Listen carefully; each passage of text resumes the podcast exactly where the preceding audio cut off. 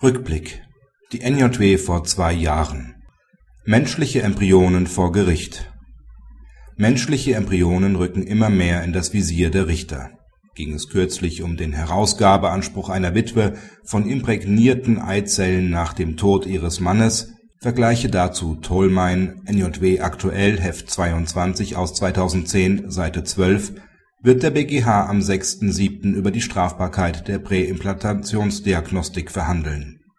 Von großer Bedeutung für sämtliche Rechtsstreitigkeiten rund um die Leibesfrucht ist die Frage, wie der Begriff menschliche Embryonen nach Europarecht auszulegen ist der BGH hat daher nun im Rahmen einer Patentstreitigkeit den EuGH gebeten, zu klären, wie der Begriff menschliche Embryonen in Artikel 6 Absatz 2 Littoral c der Richtlinie 98/44/EG zu verstehen ist (NJW 2010, Seite 2080).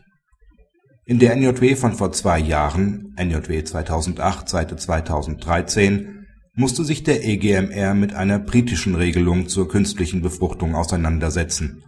Der britische Gesetzgeber erlaubt keine Konservierung der Eizellen mit anschließender In-vitro-Fertilisation, wenn ein Elternteil vor der Implantierung die Zustimmung zur künstlichen Befruchtung widerrufen hat.